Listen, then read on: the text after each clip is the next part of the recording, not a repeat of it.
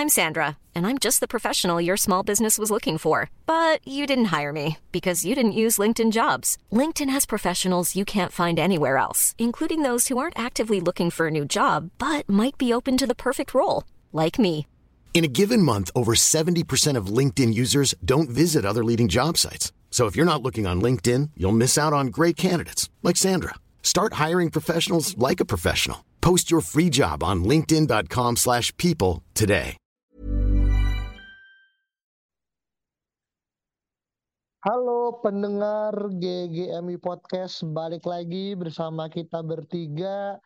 Hamin kurang lebih lima hari sebelum Liga Inggris kembali berputar dan MU kembali bermain di pekan ke empat kalau tidak salah atau pekan kelima kita akan masuki masa di mana nightmare untuk MU akan mulai terjadi karena kita akan melawan Brighton. Tapi sebelum ke sana ini sebenarnya adalah episode yang udah mau kita tag dari jauh-jauh hari tapi baru ada kesempatan di mana kita akan berbicara masalah review dari transfer yang dilakukan sama MU selama rentang bulan Juli sampai dengan bulan Agustus di mana kita mendatangkan kurang lebih 4 sampai 6 pemain, baik itu pemain yang dibeli maupun dipinjam dan juga pemain yang keluar. Nah, kita mulai dari yang incomings dulu, dari mulai tahapan Mason Mount dan gue mau minta pendapat singkat nanti karena kita banyak ya pemain-pemainnya uh, terkait dengan apa pros and cons kedatangin uh, dia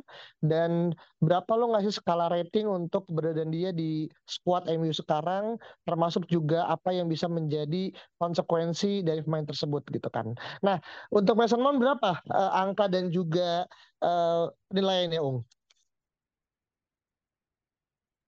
Mes Mason Mount, wah pemain yang uh, bikin kita terkaget-kaget ya, karena eh, kayaknya uh, di awal musim nggak ada yang nyangka bahwa kita bisa mendatangkan uh, apa pemain akademi gitu kan, apalagi dari rival. Dan setelah apa ya uh, banyak pro dan kontra gitu ya terkait midfield kita segala macamnya gitu, menurut gua kedatangan Mason Mount ini cukup membawa angin segar ya gitu. Walaupun secara dalam empat match terakhir kita masih belum bisa melihat dia secara maksimal gitu. Bahkan dia cuma bermain satu game ya kalau nggak salah. Satu atau dua game ya lupa gue saking jarangnya gitu. Tapi jadinya uh, kalau untuk secara keseluruhan mungkin nanti kita akan bahasnya di akhir musim gitu ya. Cuman untuk idenya kenapa Ten Hag bisa membawa Mason Mount terus apakah dia akan fit in menurut gue ini patut ditunggu. Dan kalau gue pribadi sih uh, angkanya sama seperti nomor punggung dia ya 7 per 10 sih. Ini agak-agak sarkas ya tapi dengan caranya elegan. Gue suka nih cara mainnya sama oke okay. uh, eh, Vin lo ada pendapat berbeda nggak Iya, uh, gue adalah orang yang mungkin against ya dengan Mason Mount gitu dari awal. Dulu kita pernah bikin episode yang um, bahas khusus tentang Mason Mount, di mana gue pingin gaji dia nggak terlalu mahal dan gue maunya kita itu sign another midfield dulu gitu, baru Mason Mount gitu. Cuma ternyata kita nggak beli midfield yang sifatnya controller, malah langsung beli Mason Mount gitu dan Mason Mount sepertinya akan dikonvert nantinya menjadi gelandang yang seperti itu gitu. Nah, inilah yang gue tuh nggak paham sama skema Ten Hag tuh maunya apa gitu. Karena ini bener-bener di luar nalar kita semua, di luar apa ya, mungkin perkiraan para analis-analis MU juga gitu loh. Tiba-tiba beli Mason Mount dan ternyata jadi double eight bersama Bruno gitu. Jadi sejauh ini belum kelihatan tapi let's see gitu. Dengan musim berjalan mungkin nantinya bisa berubah tapi so far gitu. Gue masih merasa kayak harusnya kita lebih beli controller karena ketika Erikson yang masuk itu lebih bagus mainnya gitu loh dan gue merasa kayak ini harusnya kayak gini mainnya. Pas Erikson main kenapa lo nggak beli yang versi Erikson lebih muda? Gitu. Jadi gue masih ngasih nilai dia so far buat transfernya ya bukan performa ya transfer tentang Mount ini gue masih ragu jadi masih 6 oh, okay. yeah. nggak beda kalau, jauh. kalau gue sih eh kalau gue sih ada sedikit uh, setuju ya sama Alvin ya. Dalam artian kayak banyak orang bingung kenapa Ten Hag membawa Erikson yang notabene uh, mungkin dia lebih ke attacking midfielder atau pemain depan gitu ya. Alih-alih kayak lo beli controller seseorang yang memang bisa ngatur tempo permainan gitu. Dan di match match terakhir dia gitu termasuk di pramusim kan dia kita masih bingung nih dia mau ditaruh di uh, double X kah? Atau dia bermain di uh, apa namanya sebagai gelandang sendiri kah gitu macam Erikson tapi ternyata ketika dia nggak masuk dan Erikson main malah kita jujur bermain lebih bagus gitu kan. Nah bingungnya ketika Amrabat masuk gitu kan dia tuh mau taruh di mana sekarang gitu? Apakah dengan kasus-kasus yang sedang terjadi gitu ya di sisi kanan kita ini apakah dia nanti akan tetap stay di sana atau uh, akan compete dengan Erikson mungkin gitu kan jadinya ini masih masih sangat membingungkan sih uh, untuk di posisi midfield ini sih sebenarnya gitu. Karena gue juga tidak melihat Bruno Fernandes akan tergeser ya oleh Mason Mount gitu kalau misalnya mau jadi gelandang serang gitu. Jadinya uh, let's see ya semoga di di musim ini gue malah pengen melihat uh, Mason Mount jauh lebih sukses sih gitu daripada waktu dia di Chelsea gitu tapi setidaknya dia jangan sampai jadi double o seven lah gitu. Itu yang paling penting sih.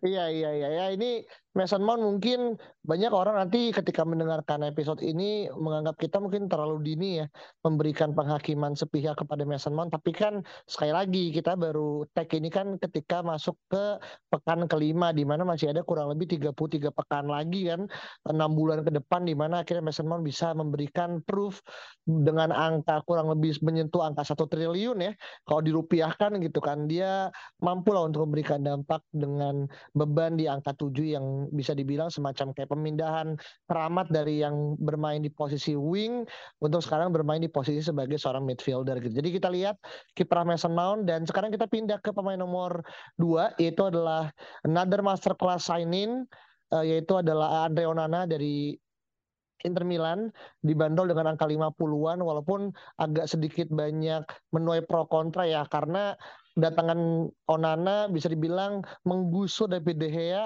nggak cuma digusur tapi di apa ya dipindahkan paksa ya. karena ada konflik segala macam gitu. Nah, lu gimana ngeliatnya Vin secara skor dan juga secara uh, gutak-gatik? Nah, kalau tadi mau gue 6, mungkin kalau Onana gue kebalikannya yaitu 9. Oke. Okay. Karena memang Onana ini adalah apa ya adalah transfer yang bikin gue tuh paling excited di mana kalau Onana desain ini bener-bener bakal apa ya jadi revolusi lah kasar di MU gitu yang tadinya kita punya kiper yang sifatnya tradisional kita sekarang punya kiper yang modern gitu yang mana gue juga nggak nyangka ternyata Ten Hag juga seberani itu benar-benar mungkin melepas De dan langsung ngambil kiper yang baru gitu itu benar-benar gak pernah kepikiran di kepala gue bahwa ini beneran akan terjadi gitu. Jadi um, gue merasa memang uh, so far ya, so far memang belum terlalu kelihatan banget gitu bagaimana permainan kita dari belakang mengalir seperti di Ajax atau seperti Brighton lah seenggaknya atau seperti City Arsenal tuh belum kelihatan.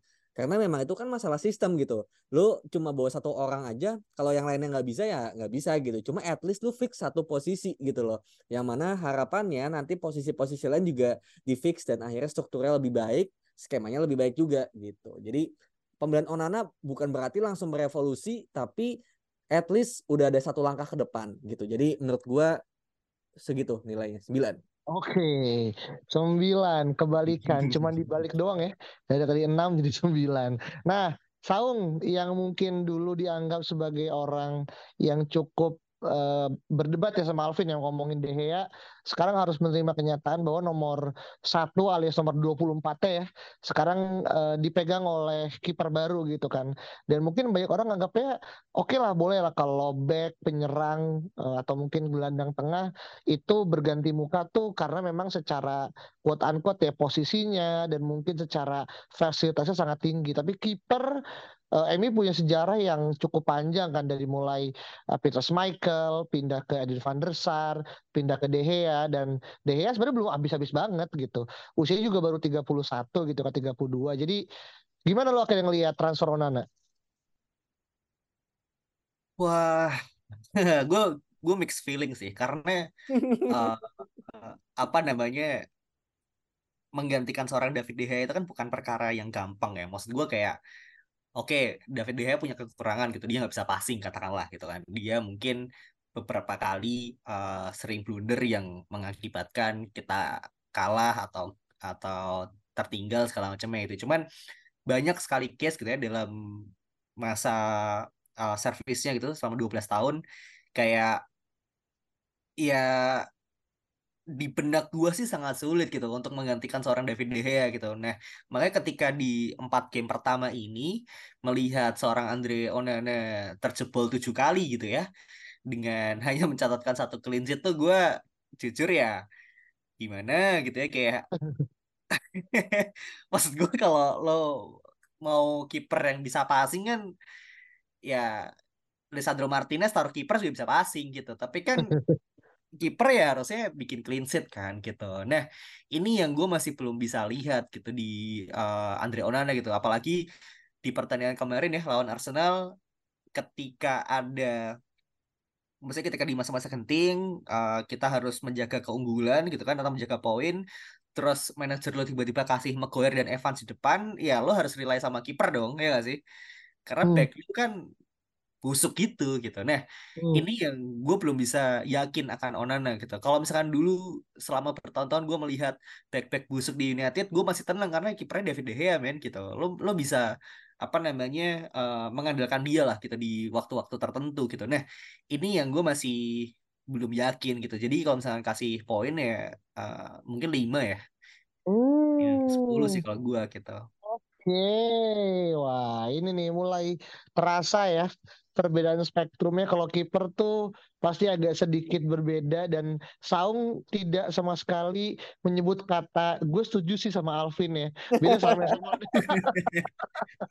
di situ itu adalah dua dua pembeda yang sangat-sangat ekstrim lah. Tapi nggak apa-apa kita lihat bagaimana kira Onana bisa membuktikan tujuh gol yang tercipta semoga bisa di keep sampai pada level yang sangat konsisten gitu. Tapi gue pun melihat emang dia pada beberapa kali ya pada match terakhir pun juga dia ngelakuin save gitu. Cuman emang mungkin uh, kita mungkin beberapa orang masih belum move on satu. Yang kedua uh, kita masih lihat kiper tuh pada level yang di mana dia bisa menjaga gawang ketimbang dia bisa membantu serangan. Nah ini yang mungkin cara pandang cara pandang yang harus disesuaikan dan juga Onana harus bisa memberikan reassurance lah untuk posisinya gitu kan. Oke, okay, uh, pemain nomor tiga yang datang adalah Rasmus Hoylund ini kita coba datengin dari yang uh, full dulu ya, maksudnya yang kita beli dulu gitu kan. Dari Atalanta, Wonderkid 20 tahun, the next Erling Haaland uh, terlihat promising di debut awal walaupun sebagai subs. Lu gimana ngeliatnya Ung untuk penilaian eh, siapa namanya uh, Hoylund?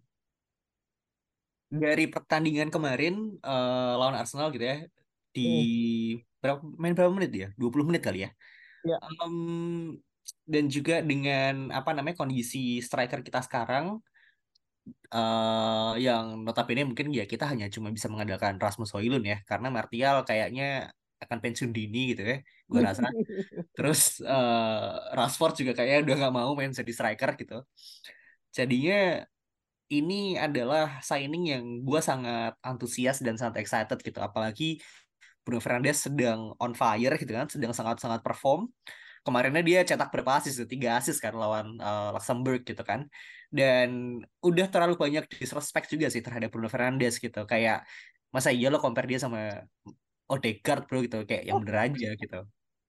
Even KDB aja nggak rate Odegaard sama sekali kan gitu. Antara dia dan Bruno Fernandes. Jadinya kayak ketika seorang Bruno Fernandes akhirnya punya striker yang memang benar-benar bisa uh, bikin gol gitu ya jadi goal getter ya ini harus sangat dinantikan sih gitu. Cuman um, apa ya gue gue jujur nggak ada kritik yang gimana pun gitu ya terhadap Rasmus Højlund gitu selain mungkin fee transfernya yang cukup gede gitu ya. Tapi ya karena kita beli potensi kita beli masa depan ya memang ini yang harga harus dibayar sih gitu. Apalagi di bursa transfer kan juga nggak ada striker yang lagi oke okay ya gitu. Jadinya uh, gue akan kasih dia angka seperti posisinya yaitu 9 per 10 sih. Oh so far ini yang tertinggi nih ya dari Saung untuk akhirnya proses bagaimana Emi berhasil mengamankan Amrabat di angka yang gak murah walaupun juga Oh sorry, Hoylund di angka yang gak murah dan ternyata kita hampir kena scam karena ternyata dia sempat cedera ya di awal musim kan. Itu yang akhirnya menjadi salah satu kok selama ini nggak dibuka ke publik gitu. Entah sengaja ditutup-tutupin gitu atau yang baru tahu ketika medical check up gitu. Dan ini yang akhirnya uh, kita mencoba untuk uh, berbaik hati, berbaik sangka kalau emang itu adalah kesalahan yang sekarang sudah mulai uh, mendapatkan secerca harapan dari pertandingan melawan Arsenal uh, di dua pekan lalu gitu kan. Nah, Vin, lu gimana Vin? Iya, Hoylun ini sebenarnya ya di awal-awal itu ketika ada rumornya, gue ragu gitu sama Hoylun karena yang pertama nggak pernah nonton, kedua kayak gue merasa MU itu daripada striker muda lebih butuh striker jadi gitu loh. Nah nanti kalau udah punya striker jadi barulah lu beli striker muda gitu loh. Karena kita ini levelnya udah level di mana harus langsung bersaing untuk trofi kan, bukan untuk berkembang kayak Brighton kasarnya gitu ya. Gitu. Dan waktu itu memang pilihan pertama gue adalah tipikal kayak Kane atau Osimhen gitu. Cuma kan ya tahu sendiri kita duitnya nggak ada. Jadi mau nggak mau akhirnya harus beralih ke pemain yang lebih apa ya harganya lebih murah gitu sebenarnya ada juga kayak tipe-tipe kayak Vlahovic yang lebih murah gitu dan lebih jadilah kasarnya gitu. Cuma sama mungkin secara tipikal permainan juga nggak begitu masuk sama Ten Hag jadinya akhirnya nggak diambil gitu. Nah akhirnya ketika masuk benar-benar ke Rasmus Hoylund dan ternyata harga 85 juta in total itu satu sisi bisa menjadi beban kan gitu. Nah itu sih satu poin di mana gue merasa kayak apakah iya dia benar-benar se-worth it itu untuk dihargai 85 juta. Kalau untuk potensinya sih memang dia bagus banget gitu dan lebih kepada mungkin penyegaran ya yang tadinya kita selalu beli penyerang tua, penyerang udah habis tapi sama kita sekarang beli yang muda gitu masih 20 tahun. Jadi ini bagus banget cuma kayak 85 tuh apa ya kayak agak terlalu tinggi. Cuma melihat emang nggak banyak di market gitu penyerang nomor 9 yang emang bagus dan available kasarnya gitu ya jadinya ya mungkin memang harus ditebus dengan 85 gitu. Ini pada akhirnya kayak ya supply and demand aja yang pada akhirnya membuat harganya jadi tinggi gitu. Jadi gue dengan segala potensi dan juga benefit of the doubt yang harus gue kasih gue kasih nilai dia standar lah 7 masih bagus. Ah, ya. Oke, oke. Berarti masih belum bisa mengalahkan Onana ya, atau bahkan Onana yang paling tinggi nih buat Alvin di musim padahal, ini gitu kan. Padahal kalau Onana kejebolan mulu lo cuma bisa mengandalkan Hoylun lo.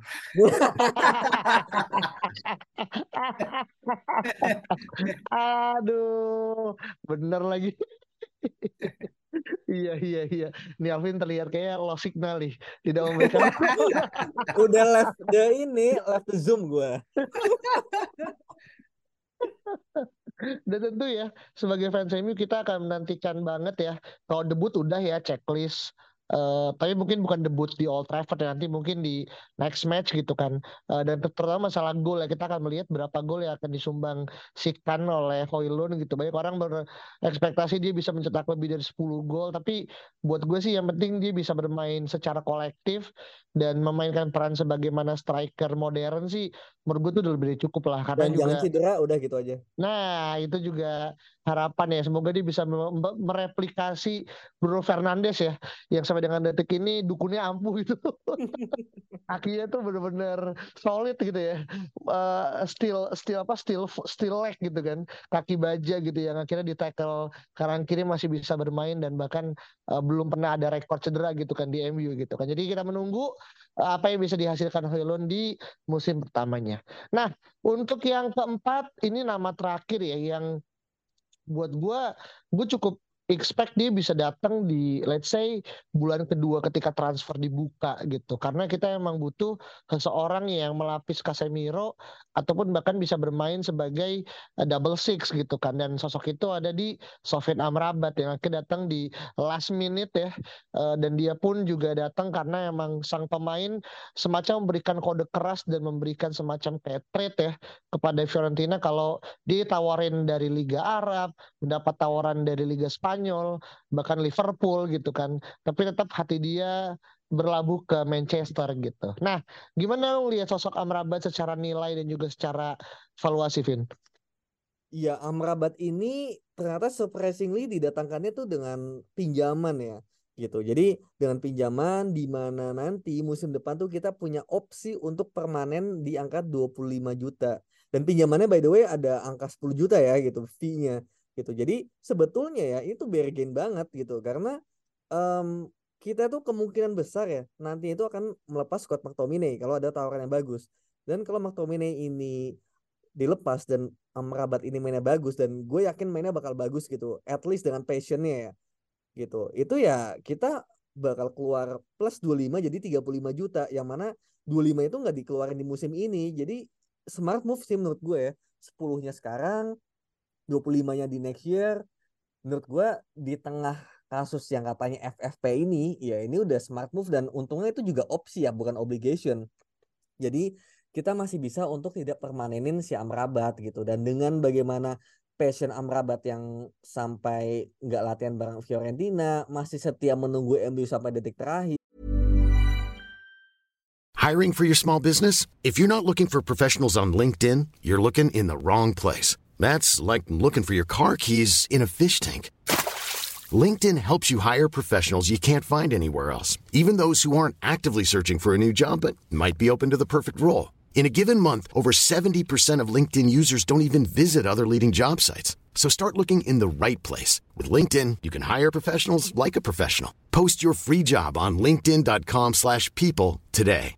Hey, it's Paige DeSorbo from Giggly Squad. High quality fashion without the price tag. Say hello to Quince.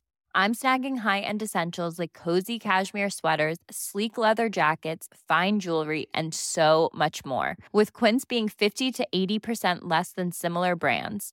And they partner with factories that prioritize safe, ethical, and responsible manufacturing. I love that. Luxury quality within reach. Go to quince.com slash style to get free shipping and 365-day returns on your next order.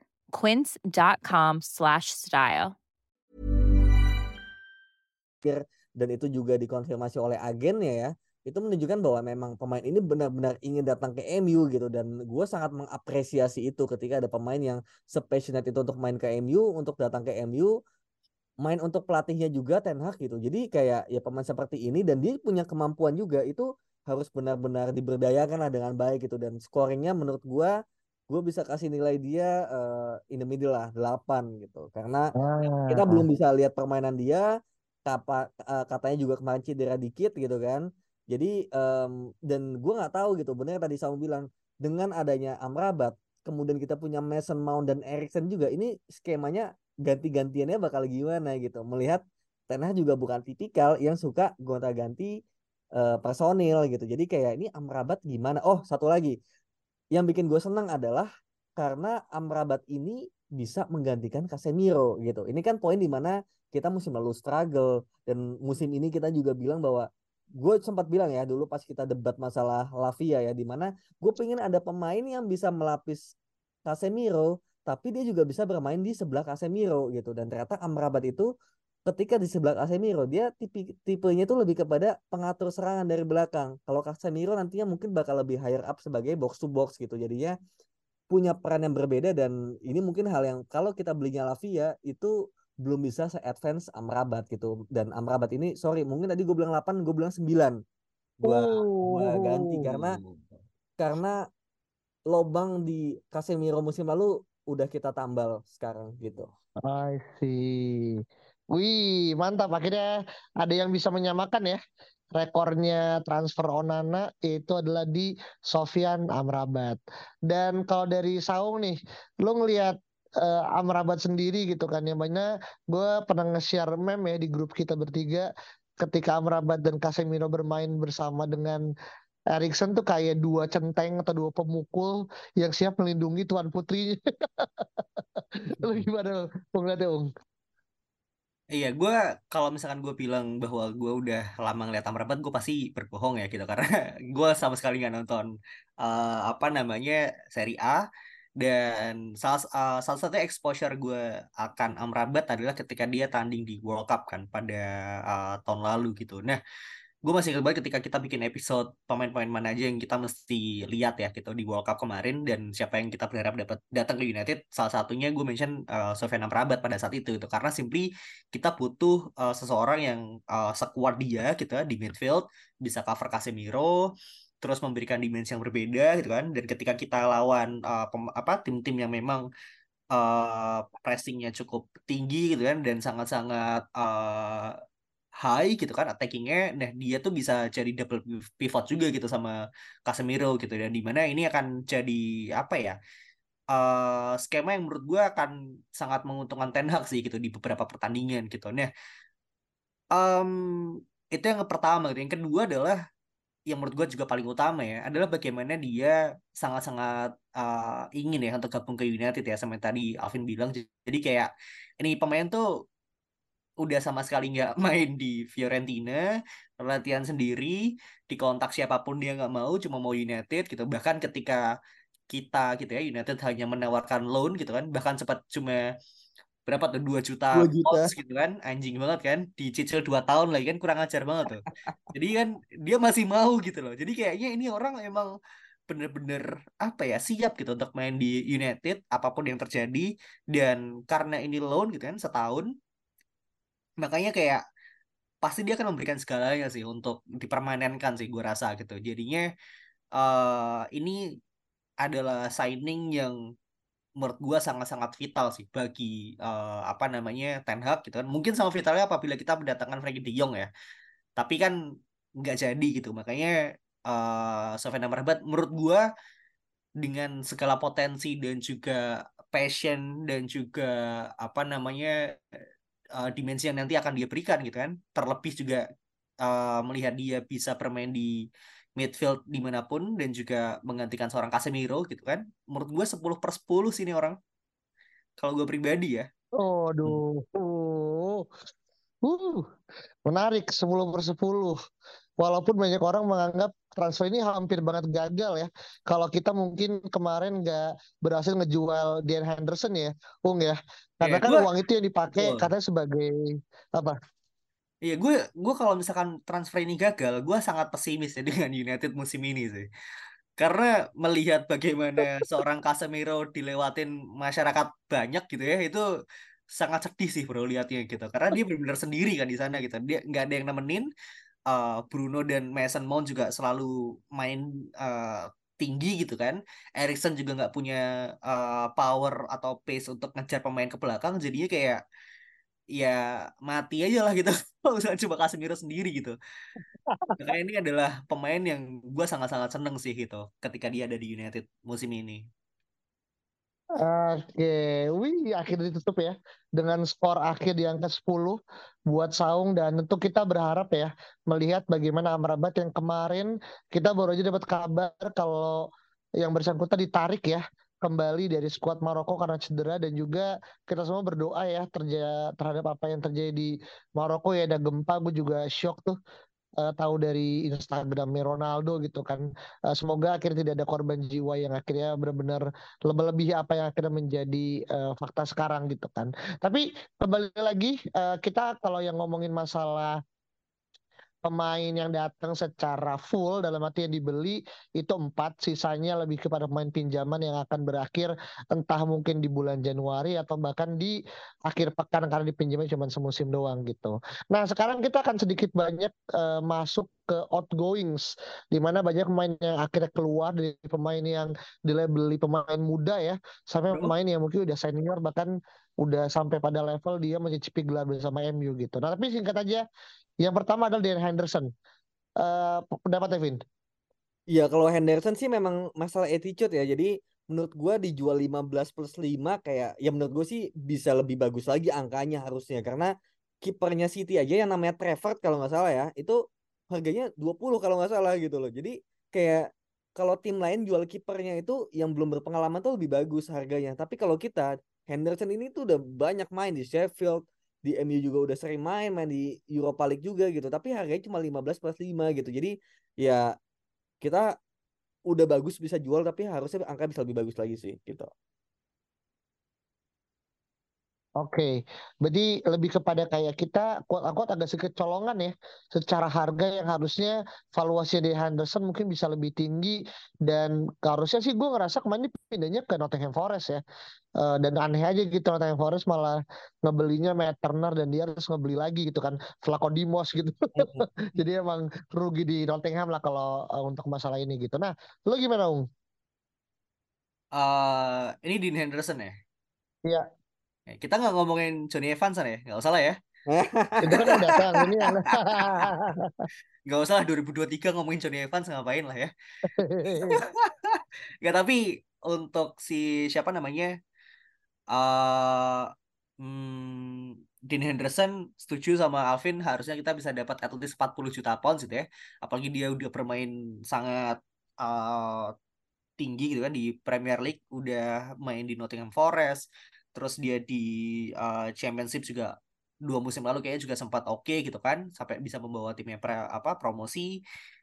Jadinya salah satu salah satu satunya kritis gue adalah harganya tuh harusnya lebih make sense sih gitu karena ini ini pemain bukan ya nggak jelek sih cuman kalau lo lihat kalau Palmer 40 juta cuman main beberapa match doang kan lo bete ya jadi hmm. kayaknya harusnya dia bisa dapat lebih tinggi sih gitu. Dan ini mungkin yang jadi apa ya satu-satunya booster di uh, net spend kita ya cuma si Dean Henderson doang gitu. Dan sangat menyedihkan sih kalau yeah. apalagi dia cuma laku berapa? 15 juta pound kalau salah kan? Iya yeah, iya. Eh jadinya uh, itu sih gitu. Dan karena ya kita juga tidak bisa melihat dia bisa sukses di United. Jadi ini emang uh, win-win situation sih I see. Oke, okay. berarti lebih kepada akhirnya ini adalah pemain yang berhasil mendatangkan revenue ya, uh, yang paling tinggi untuk MU di musim ini. Yang kedua adalah yang paling baru banget itu Eric Bailly yang akhirnya harus pindah ke Galatasaray kalau gue nggak salah ya, uh, atau basic gue lupa deh tapi tetap lebih gak terkila dan dia pemain yang udah cukup lama ya menjadi servant royalnya MU gitu kan dari zamannya Mourinho. Dan dia adalah pembelian pertama Mourinho gue ingat banget tuh dari Villarreal gitu kan. Nah gimana dong untuk terkait dengan uh, Bailey Eric Bailly memang sudah saatnya dia cabut dari beberapa musim lalu sih bro gitu. Jadi uh, kalau bisa dianterin sama masyarakat Manchester kayaknya emang dia harusnya udah dianterin gitu kan uh, beberapa musim lalu. Tapi akhirnya dia laku akhirnya dia juga cabut gitu kan. Uh, pun juga hal yang sama terhadap uh, Fred juga gitu kan. Fred juga uh, menurut gue dia sangat-sangat berjasa sih gitu. Cuman ini adalah waktu yang tepat untuk kita melego Fred. Cuman satu-satunya mungkin ya terhadap uh, outgoing kita yang gue bisa kritisi selain uh, Dean Anderson tadi mungkin Elanga sih men gitu. Elanga juga sama gitu kenapa dia dijual semua itu semurah itu kan. Padahal dia uh, Swedish International dia main uh, reguler di uh, timnas dia cetak beberapa gol. Jadinya kayak cuma jual seharga recehan doang tuh menurut gue menyedihkan sih gitu. Gue gue rasa Alvin juga sepakat sih. Iya iya. Bener. Sama iya, lah iya, gimana Vin? gimana Vin? Ya sama lah Elanga ini kayak kasus si Palmer itu kan 40 juta ya iya. Elanga ya. juga lebih dari itu harusnya gitu. Ini lebih kepada pinter-pinternya ngejual aja sebetulnya. Dan emang MU yang butuh duit jadinya dipaksa berapapun jual gitu aja sih gitu. Gitu yang main lain-lainnya juga tadi sih kayak Bayi hmm. Jones uh, kemudian kita juga apa kayak ya itu ada pemain-pemain yang harusnya udah cabut dan ya itu kayak udah udah bener lah cabut at least meskipun harganya sekarang nggak bagus tapi seenggaknya Deadwood ini keluar itu dulu aja kita memperbaiki squad sih. Jadi gue untuk outgoing gue setuju semuanya cabut cuma mungkin beberapa pemain yang harusnya cabut seperti 3M ini ya, Martial, McTominay, Maguire itu adalah pemain-pemain yang menurut gua harusnya cabut tapi nggak cabut. Plus Van de Beek ya gitu. Iya. Iya, iya, gue masih okay. bisa, jadi gue masih bisa ya. lihat lah McGuire bisa jadi pelapis yang uh, cukup lumayan sih Vin sebenarnya gitu karena ya uh, gue rasa dia masih punya uh, fight ya untuk main di klub ini walaupun ya jangan dipasangkan sama Johnny Evans juga gitu cuman gue rasa dia masih masih bisa lah gitu untuk uh, at least di cup cup mungkin masih oke okay, kan di Carabao atau mungkin di FA Cup. Tapi ya kalaupun nanti akan ada offer yang uh, oke okay, gitu kan mungkin di bulan Januari 30 juta pounds gitu katakanlah dari West Ham menurut gue langsung lepas saya sih nggak perlu negotiation sih. Kalau di FIFA udah langsung accept offer sih itu harusnya ya. Nggak usah nego-nego lagi ya. Nggak usah nego-nego buang waktu Ih, di ini dia nih nggak ada nggak ada penting negosiasi yang penting dia menanggalkan jersey nomor 5 dan kita kasih ke pemain yang lebih layak gitu. Oke, nah mungkin kira-kira seperti itu ya teman-teman masalah ingoing, eh, sorry incoming dan juga outgoing players. Mungkin kita bisa bahas uh, semuanya karena ada beberapa nama kayak Regilon, terus juga mungkin Alton Bayindir yang kita juga beli dalam porsi di mana orang mungkin agak sedikit mempertanyakan. Belum juga kita akhirnya uh, kehilangan Zidane Iqbal di angka transfer cuma satu juta pounds. Ini adalah hal yang buat gue sangat-sangat miris ya uh, melihat bagaimana secara marketingnya MU itu sangat-sangat jelek banget secara penjualan gitu kan. Uh, dan kita adalah tim yang mungkin paling kuat-kuat ya tidak berani untuk bisa memberikan penekanan kepada pembeli terkait dengan pemain yang kita mau jual gitu. Karena terakhir overall secara keseluruhan rata-rata nilai mainnya untuk terkait dengan uh, bursa transfer musim ini di angka berapa nih Ung? Kita lihat outgoing dan uh, signingnya ya. Kayaknya yeah. 6 per 10 fair sih gitu. Itu wow uh, apa namanya komposisinya empatnya signing duanya outgoing ya. Jadi sangat sangat uh, kontras sih gitu. Karena apabila kita bisa dapat uh, penjualan yang lebih baik harusnya kita nggak perlu pusing mikirin FFP sih. Ah I see. Oke okay. di angka nomor 10 Vin. Kalau gua melihat kita udah mulai bisa jual Deadwood dan juga udah mulai beli pemain-pemain yang emang di posisi penting gitu dan udah mulai pintar gue kasih apresiasi dinilai angka 7 dari 10 sih. Wow.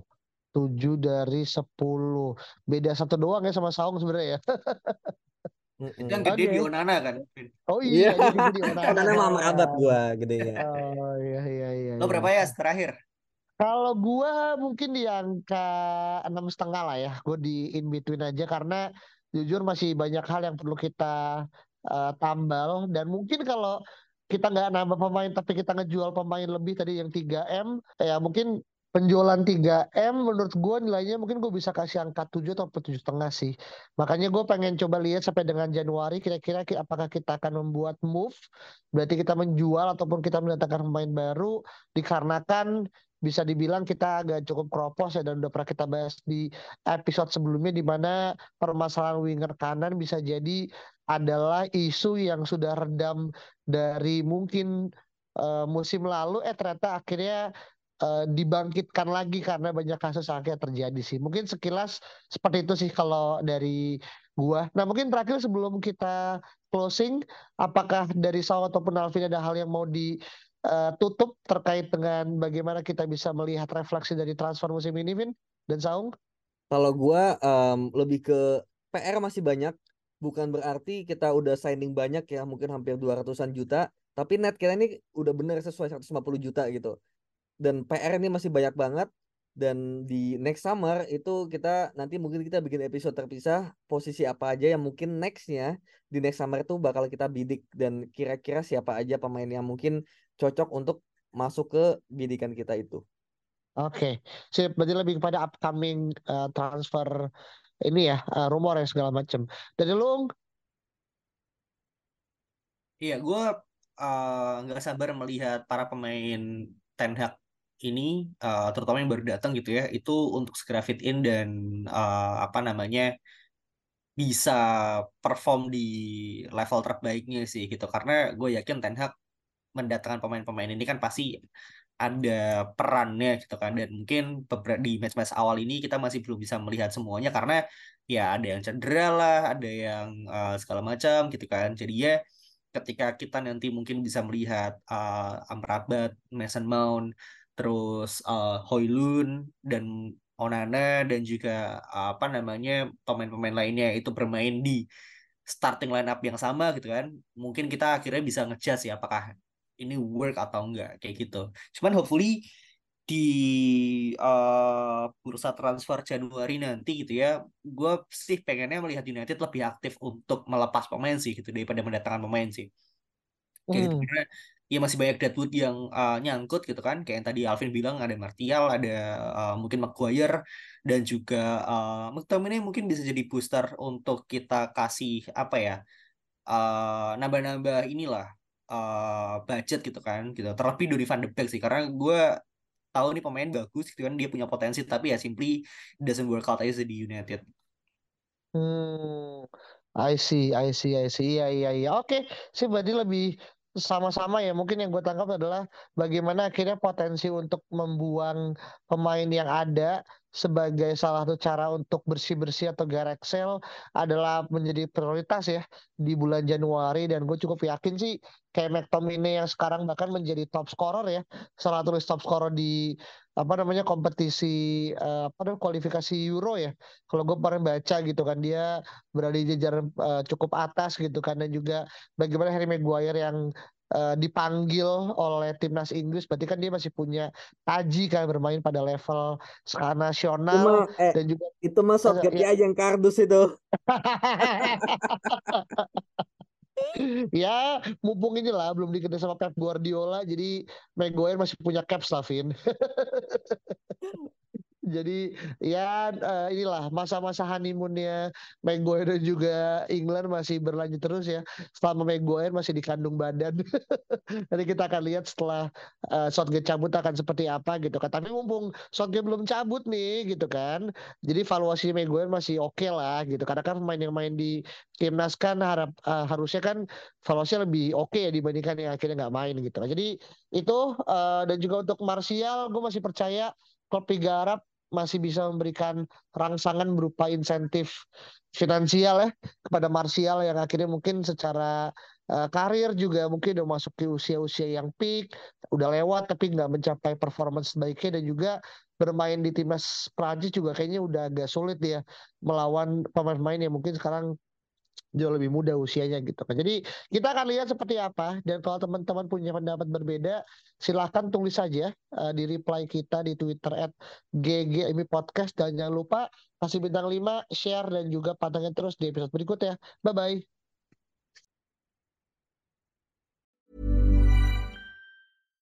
Hi, I'm Daniel, founder of Pretty Litter. Cats and cat owners deserve better than any old-fashioned litter. That's why I teamed up with scientists and veterinarians to create Pretty Litter. Its innovative crystal formula has superior odor control and weighs up to 80% less than clay litter.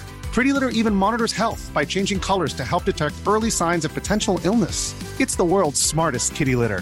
Go to prettylitter.com and use code ACAST for 20% off your first order and a free cat toy. Terms and conditions apply. See site for details.